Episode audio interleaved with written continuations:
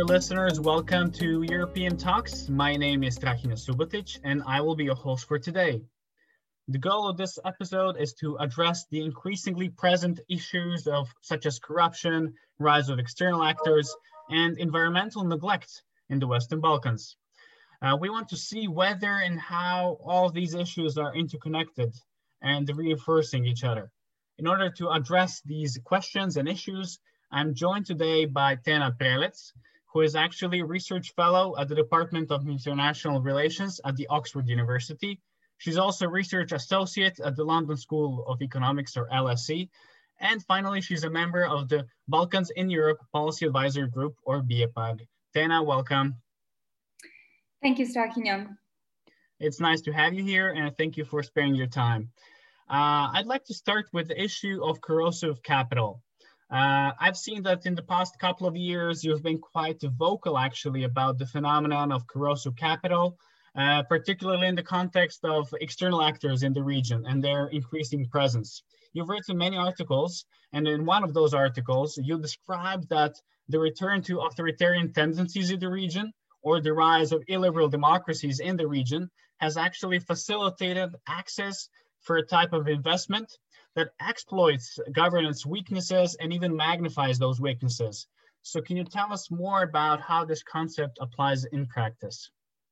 Sure, and wow, thank you for summarizing my my research so well. I couldn't have done it better myself, I think. so, um, look, when I started working on on this topic, uh, which was uh, back in 2015, more or less, um, I realized it was widely misunderstood in the in the scholarship and also in policy discourse. Um, so we do not did not have the conceptual means to understand it and therefore assess it and to do anything about it. So I think it's worth unpacking it a little. So um, when me and my colleagues at the LSE's uh, research unit on Southeastern Europe started working on it, it was in relation um, with uh, the investments coming from the United Arab Emirates. And the mandate we mm-hmm. had at that point was basically to assess foreign aid coming from Gulf countries into the Balkans. However, you know, we, we soon realized this foreign aid that we were trying to, to understand and to analyze was not merely selfless. There were some commercial implications behind it. So business, and therefore foreign direct investments. But foreign direct investments is also not a concept that says it all because a, these deals were not always outright investments, sometimes they were loans. And in general, it was unclear what the investor got out of it. And sometimes it was even unclear what the recipient country uh, got out of it because it seems that right. uh, sometimes they did not benefit from it at all, but they were at the losing end actually. So, what was going on there? Yeah. Um, one thing was clear that these deals, that the way these deals were, were done, was most often than not bypassing the normal procedures. Uh, it was lacking in transparency very heavily, and it was clearly benefiting someone. We just did not have the means to assess exactly who and what it was benefiting. And in the meantime, it was raising a lot of discontent among the population in the process mm. because of this very non transparent, walled off character of these deals, in which a lot of, uh, um, a big part of the population felt like they were um, kept uh, in in the darkness about the right. the details of the deal, and also they were kept uh, uh, in the darkness as per uh, the benefit that this is going to to give to to the whole population, and how is is this going to to work uh, in practice? Of course, you know Belgrade Waterfront is the the premier example uh, in that sense. So if we think about this non-transparency and general grayness, we come in the realm of corruption studies but again, you know, when you think of impartial and unfair allocation of resources, which we touched upon just now, what is uh, studied in corruption studies, for instance, is public procurement. So this is mm-hmm. something that we know about and we study. But this is not public procurement, is it? It's something different.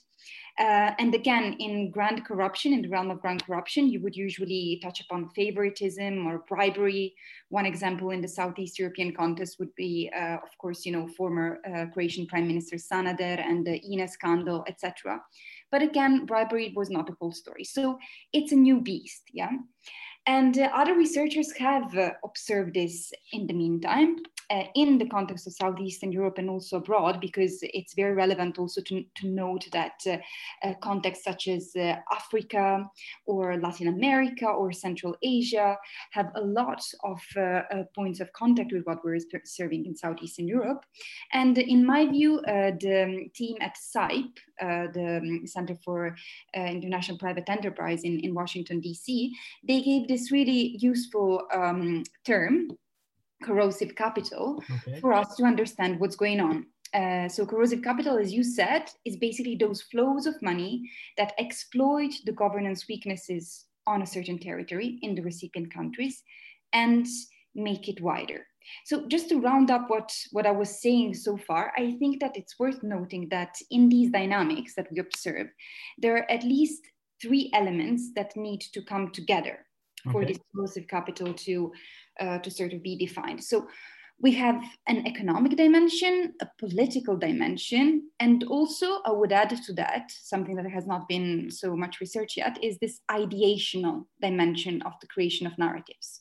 So, okay. from an economic perspective, um, oh, I think it's worth noting that business interest is not discounted. So, it is a concern. So we, we, we, should not say that, oh, since Russia has been, uh, I don't know, very ruthless in, in extracting a, a, lot of benefit from the deal with Serbia, that therefore this is not corrosive capital, it's something else. So no, business interests, of course, are important, but they do not make the whole story. There is something else behind it because non-transparency allows for an allocation of resources that is uh, uh, unclear, to say the least, and and often um, uh, not not benefiting the, the, whole population. Okay. Second, the political dimension, uh, what uh, uh we highlighted with Will, uh, Will Bartlett um, in our work on the UAE, is that there is this authoritarian meeting of minds that fuels these deals. Mm. So this sort of, you know, interesting um, term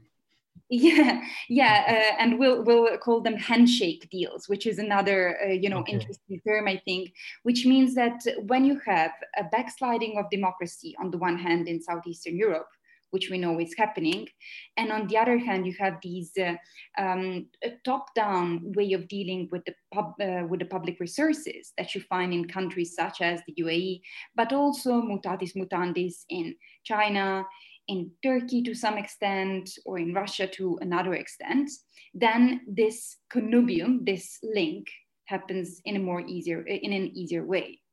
And third, uh, which is uh, something that I noted in relation to Chinese investments recently, is this ideational aspect of it, the creation of narratives. So, in my view, these deals are not only useful to uh, fuel um, the accumulation of capital among the political and business elites of, of uh, the recipient country.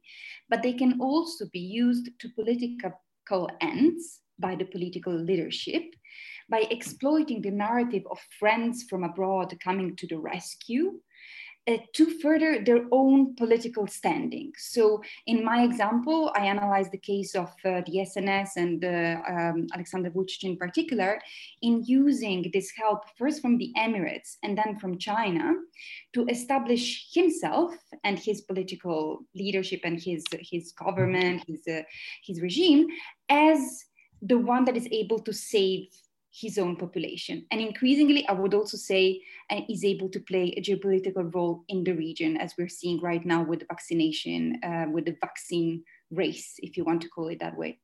So when it comes to the Emirates, you often point to Belgrade waterfront, but when it comes to China and its, its increasing narrative building together with the Serbian president, you focus on the COVID-19 pandemic as a particular case?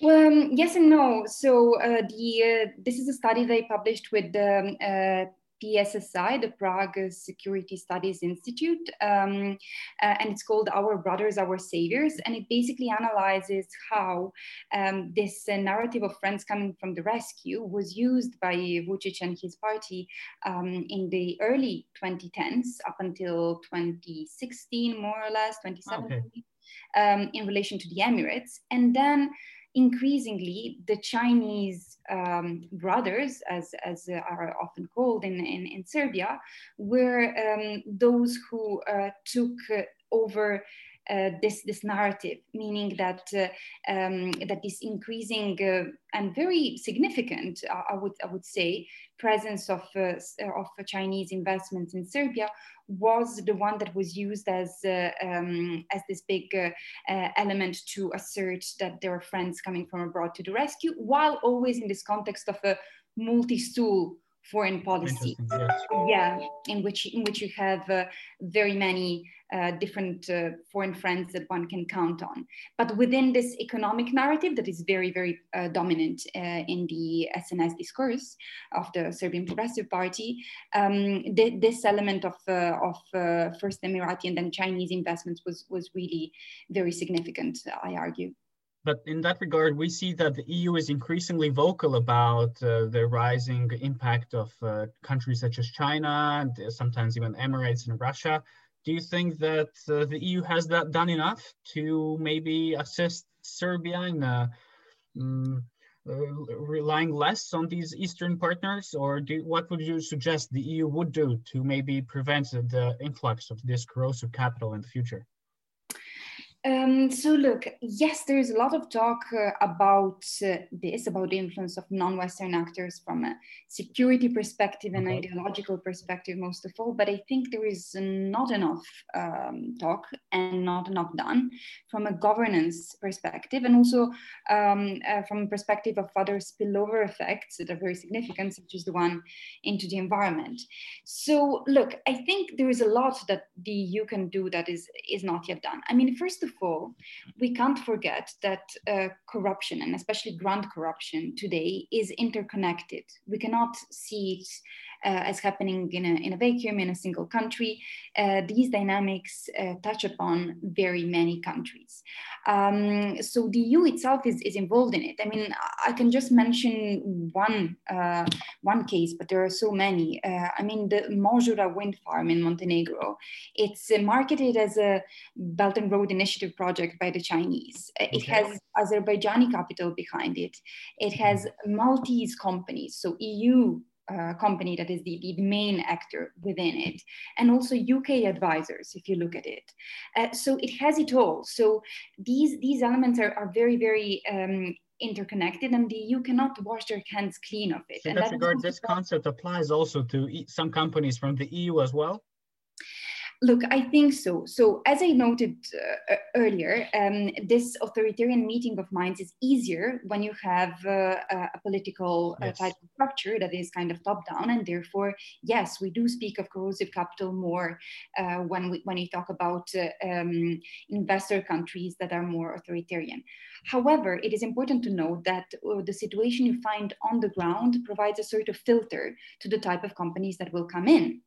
Therefore, some, you know, a lot of the Western investments that would be good in inverted commerce, we don't even we don't even talk about it because it doesn't happen. It doesn't happen at the entrance. I know many investors I spoke to who have just given up in investing in Southeastern Europe because they cannot mm. ensure that everything will be done according to the rules.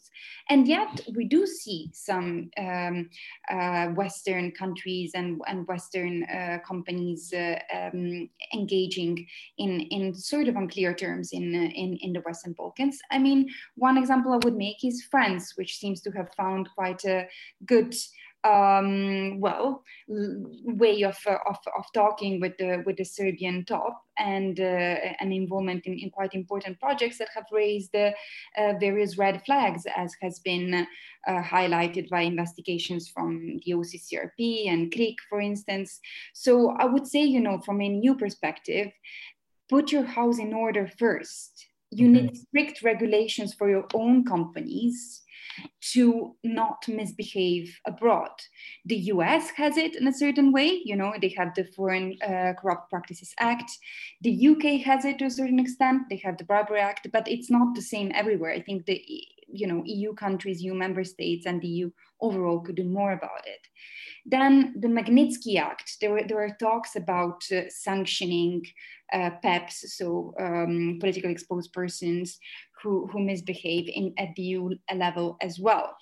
But um, although the EU is working on it, they are uh, considering for the moment more the human rights side of things. So sanctions for um, individuals that are that are misbehaving on the human rights side, which is of course super important.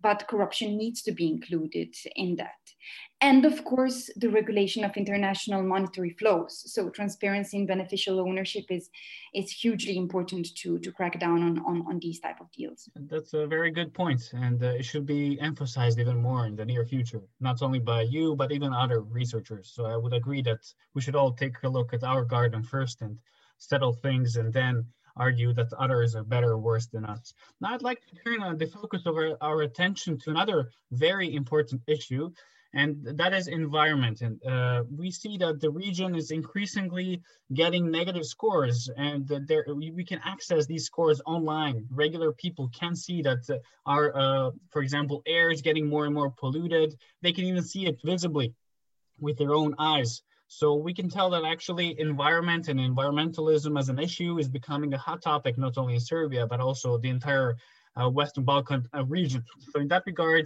uh, China becomes uh, very important as it has increasingly been investing in Serbia's heavy industry. Uh, and we, we have examples of Kostolac, Bor, and Smederevo.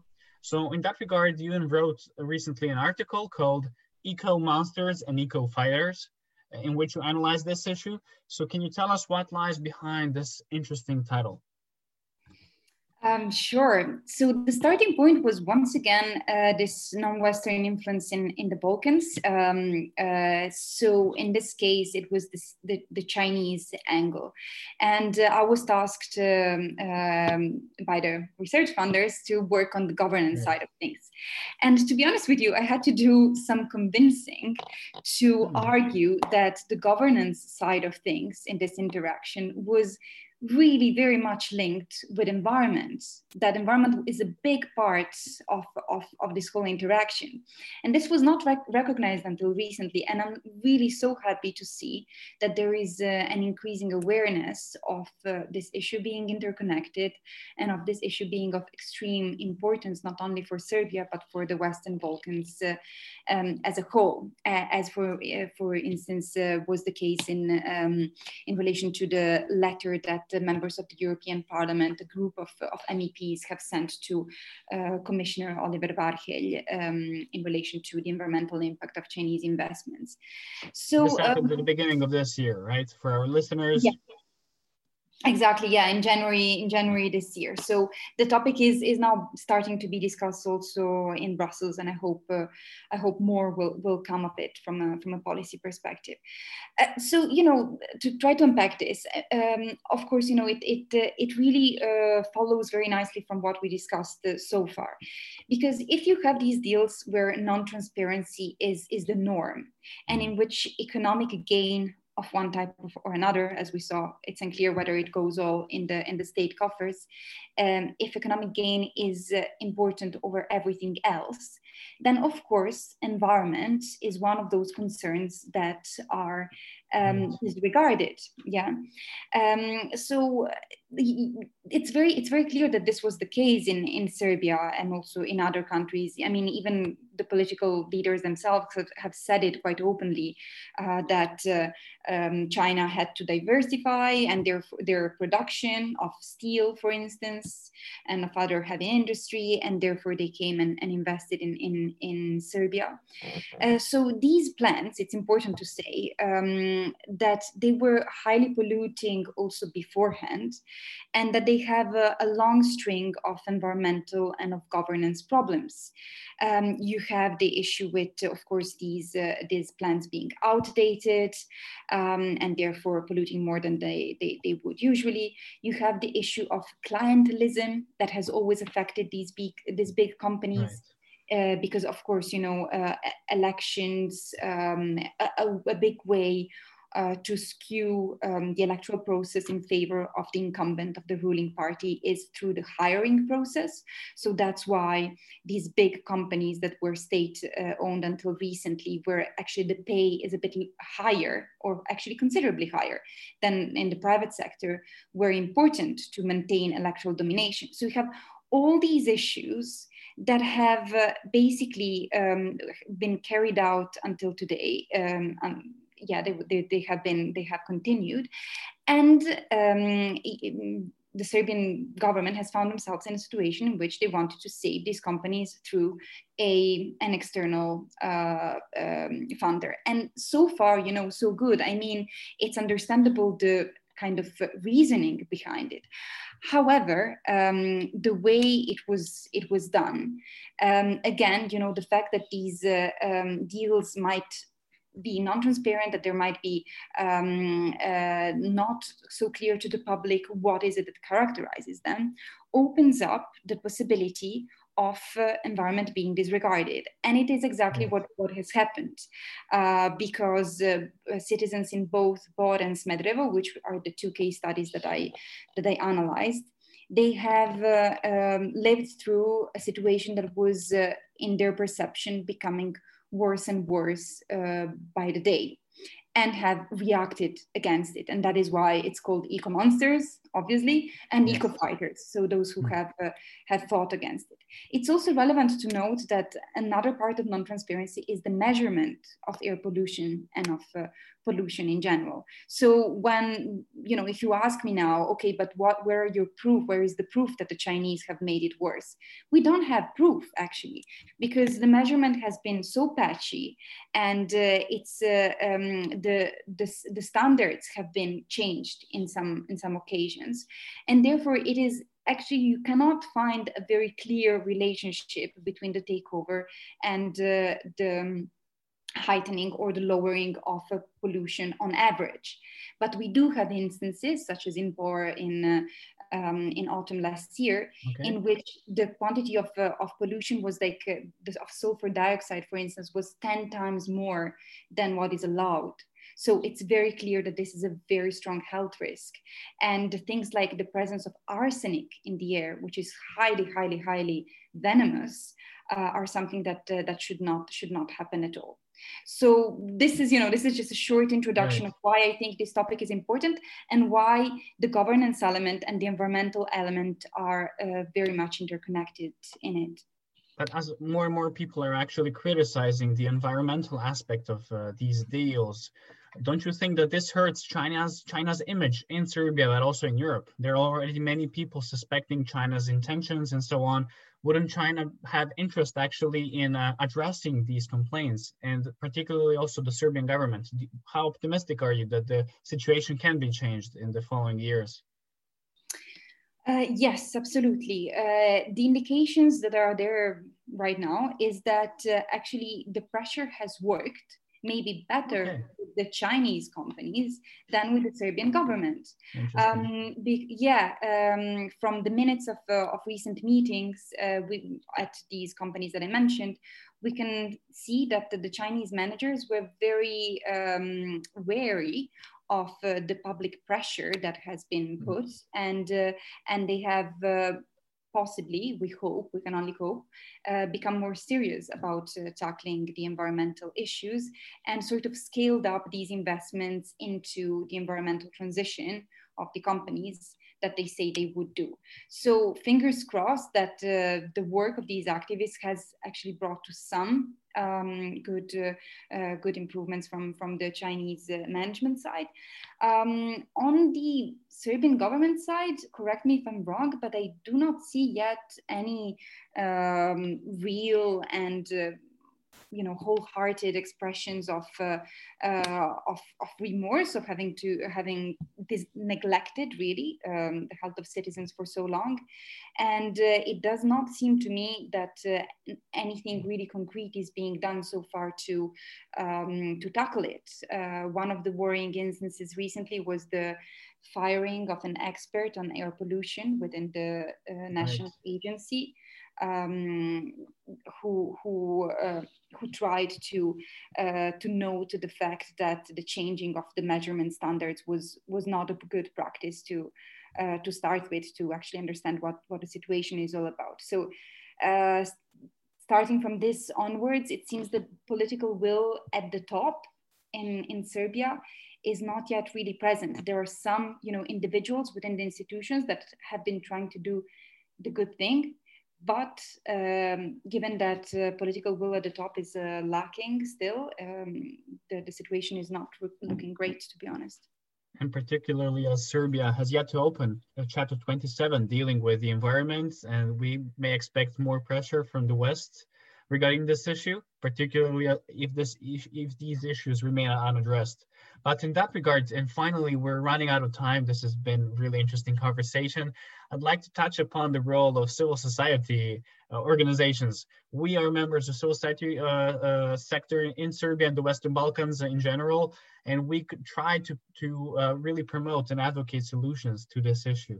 But considering that there are elements of state capture of the Western Balkans and that the environment for civil society has not been conducive for our work, how optimistic are you uh, when it comes to the role of civil society? Do you think that we can maybe find alternative solutions and uh, potentially have our voices heard and uh, spreading our message to the local population? What, what are your expectations regarding this matter? Um, so I see some reasons for optimism, to be honest. And this is because environment is really a topic that gets uh, people going independent of their ideological um, uh, standing, their ideological affiliation. So um, there is this new campaign called Balkans United for Clean Air, um, promoted by the European Fund for the Balkans, that has really tried to give voice to something that to a certain extent was happening naturally already, because a lot of these uh, um, groups of activists that have uh, sparkled upon in several places in the Western Balkans uh, had already started to create a network and to act together um, on this topic. So, environment uh, is something that I see uh, uniting people across the region. Uh, that has maybe not an ideological, so uh, affiliation on, on the political side of the spectrum, but at the same time is definitely a very political uh, topic. Um, so let's see what what uh, comes out of it. But I think that you know some elements of of uh, it uh, remaining important in the future are definitely there. Uh, thank you, Tena, for your really precious insight. Uh, the comments you made are really valuable, and I hope the, it, th those comments will reach wider audiences because these topics are really particularly important uh, at this moment. I also wish to thank our listeners for tuning in and uh, I wish them to stay healthy and to stay tuned for more episodes to come. Thank you and goodbye. Thank you, Thank you so much, Strahinja, and all your colleagues, and to all the listeners, of course. All the best.